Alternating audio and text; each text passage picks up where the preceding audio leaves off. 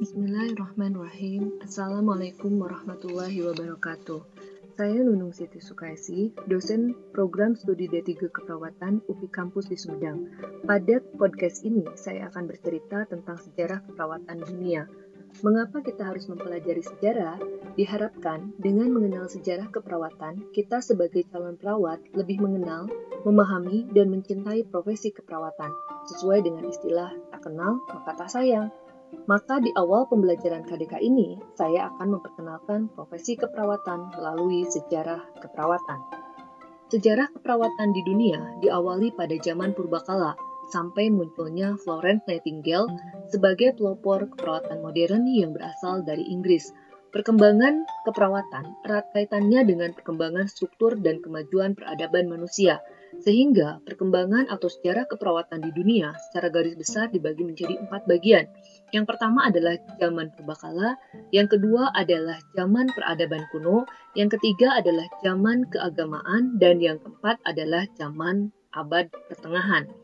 Saya akan menjelaskan secara berurutan perkembangan sejarah keperawatan di dunia yang diawali dengan zaman purbakala. Manusia pada dasarnya memiliki naluri untuk merawat diri sendiri atau mother instinct. Harapan pada awal perkembangan keperawatan adalah perawat harus memiliki naluri keibuan. Dari masa mother instinct kemudian bergeser ke zaman di mana orang masih percaya pada sesuatu tentang adanya kekuatan mistik yang dapat mempengaruhi kehidupan manusia. Kepercayaan ini dikenal dengan nama animisme. Mereka meyakini bahwa sakitnya seseorang disebabkan karena kekuatan alam atau pengaruh gaib seperti batu-batu, pohon besar, dan gunung-gunung yang tinggi. Kemudian dilanjutkan dengan kepercayaan pada dewa, di mana pada masa itu mereka menganggap bahwa penyakit disebabkan karena kemarahan dewa, sehingga kuil-kuil didirikan sebagai tempat pemujaan dan orang sakit meminta kesembuhan di kuil tersebut. Setelah itu, perkembangan keperawatan terus berubah dengan adanya diakonis dan filantrop, yaitu suatu kelompok wanita tua dan janda yang membantu pendeta dalam merawat orang sakit. Sejak itu, mulai berkembanglah keperawatan. Fenomena animisme terlihat pada sejarah bangsa Mesir dan Cina. Pada masa itu, bangsa Mesir menyembah dewa Isis, dewa yang diyakini dapat menyembuhkan penyakit. Masyarakat Cina menganggap penyakit disebabkan oleh setan dan makhluk halus dan akan bertambah berat jika orang lain memegang orang yang sakit. Akibatnya, perawat tidak diperkenankan untuk merawat orang yang sakit. Yang kedua adalah zaman peradaban kuno. Pada masa ini, keyakinan mengenai penyebab penyakit masih mirip dengan zaman primitif, yaitu berdasarkan pada tahayul dan magis, sehingga penyembuh akan membutuhkan penyembuhan magis. Sejalan dengan perkembangan peradaban, teori praktis perawatan medis yang muncul sebagai penyebab penyakit non-medis mulai terobservasi. Catatan tertua mengenai praktik penyembuhan ada pada lembaran tanah liat berusia 4000 tahun yang dihubungkan dengan peradaban Sumeria. Lembaran ini berisi tentang resep obat tetapi tidak dituliskan untuk mengatasi penyakit apa. Lontar Eber merupakan temuan kebudayaan Mesir. Lontar ini tertanggal sekitar tahun 1550 sebelum Masehi dan dipercayai sebagai teks medis pertama tertua di dunia. Lontar ini berisi uraian tentang banyak penyakit yang diketahui saat ini dan mengidentifikasi gejala spesifik. Lontar Eber juga berisi 700 zat yang digunakan untuk obat-obatan disertai cara penyiapan dan penggunaannya. Mumifikasi atau pembalseman juga muncul pada masa ini. Mumifikasi berasal dari keyakinan bahwa ada kehidupan setelah kematian.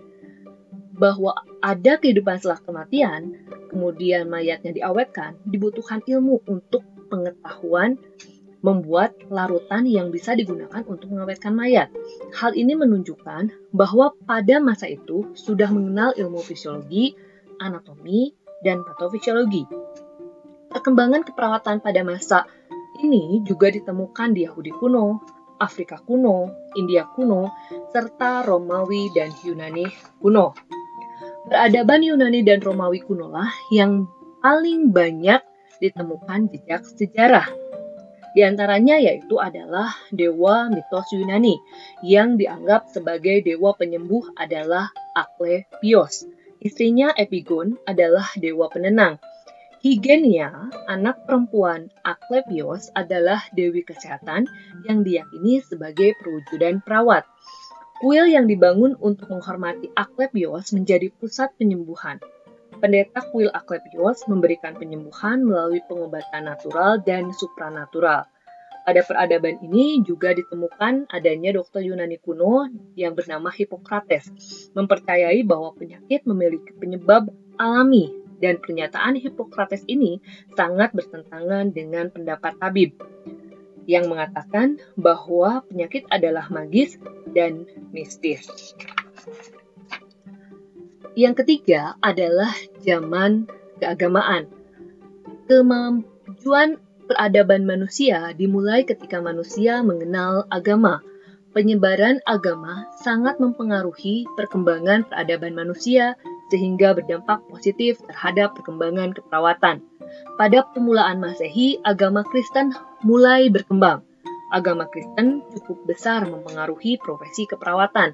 Salah satu catatan di awal sejarah digambarkan bahwa keperawatan merupakan perintah dari diakonia, suatu kelompok kerja seperti perawat kesehatan masyarakat atau pengunjung orang sakit. Dalam awal kehidupan gereja, diakonia dijalankan oleh perempuan yang ditunjuk oleh pimpinan gereja. Peran mereka adalah mengunjungi orang yang sedang sakit. Penunjukan dilakukan pada wanita yang memiliki status sosial yang tinggi. Pada masa ini, keperawatan mengalami kemajuan yang berarti, sehingga dengan ini kepesatan keperawatan itu sejalan dengan kepesatan agama Kristen. Seperti halnya di Eropa, pada pertengahan abad ke-6 Masehi, keperawatan juga berkembang di benua Asia, tepatnya di Asia Barat Daya, yaitu Timur Tengah, seiring dengan perkembangan agama Islam. Pengaruh agama Islam terhadap perkembangan keperawatan tidak lepas dari keberhasilan Nabi Muhammad SAW dalam menyebarkan agama Islam. Kegiatan pelayanan keperawatan berkualitas telah dimulai sejak seorang perawat Muslim pertama, yaitu Siti Rufaidah, pada zaman Nabi Muhammad SAW yang selalu berusaha memberikan pelayanan terbaiknya bagi yang membutuhkan tanpa membedakan kliennya kaya atau miskin. Kontribusi Rupaida tidak hanya merawat mereka yang terluka akibat perang, namun juga terlibat dalam aktivitas sosial di komunitas.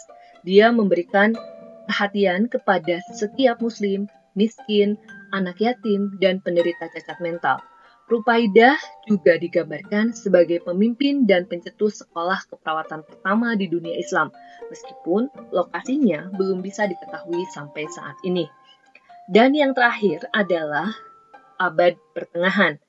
Permulaan abad ke-16, struktur dan orientasi masyarakat mengalami perubahan, dan orientasi agama berubah menjadi orientasi kekuasaan yaitu perang, eksplorasi kekayaan alam, serta semangat kolonialisme. Akibat hal tersebut adalah banyak tempat ibadah termasuk gereja yang ditutup. Padahal tempat ini dijadikan tempat untuk merawat orang yang sakit. Pada masa ini terjadi kekurangan tenaga perawat, sehingga untuk memenuhinya, maka bekas wanita jalanan atau wanita yang bertobat setelah melakukan kejahatan diterima menjadi perawat. Akibatnya, pada masa ini, perawat diupah dengan gaji yang sangat rendah. Pada tahun 1633, dibentuk kelompok biarawati oleh Saint Vincent de Paul. Kelompok ini merawat orang-orang sakit di rumah sakit pada masa ini juga mulai dirintis pendidikan keperawatan yang dipelopori oleh Louis de Grey. Pada pertengahan abad ke-18 memasuki abad ke-19, reformasi sosial masyarakat merubah peran perawat dan wanita secara umum. Pada masa ini, keperawatan mulai dipercaya orang, dan pada masa ini juga nama Florence Nightingale mulai muncul, dikenal sebagai Lady of the Lamp. Pada tahun 1860, ia mengembangkan program pelatihan untuk perawat pertama kali di sekolah pelatihan Nightingale untuk perawat di St. Thomas Hospital di London. Konsep pendidikan inilah yang mempengaruhi pendidikan keperawatan di dunia dewasa ini, sehingga Florence Nightingale dinobatkan sebagai pelopor keperawatan modern. Demikian sejarah keperawatan di dunia. Sangat menarik bukan? Tentu saja perkembangan keperawatan belum selesai, dan kita yang akan melanjutkannya. Semoga podcast ini dapat membantu belajar rekan-rekan. Sampai berjumpa di podcast selanjutnya. Bila itu walidayah. Wassalamualaikum warahmatullahi wabarakatuh.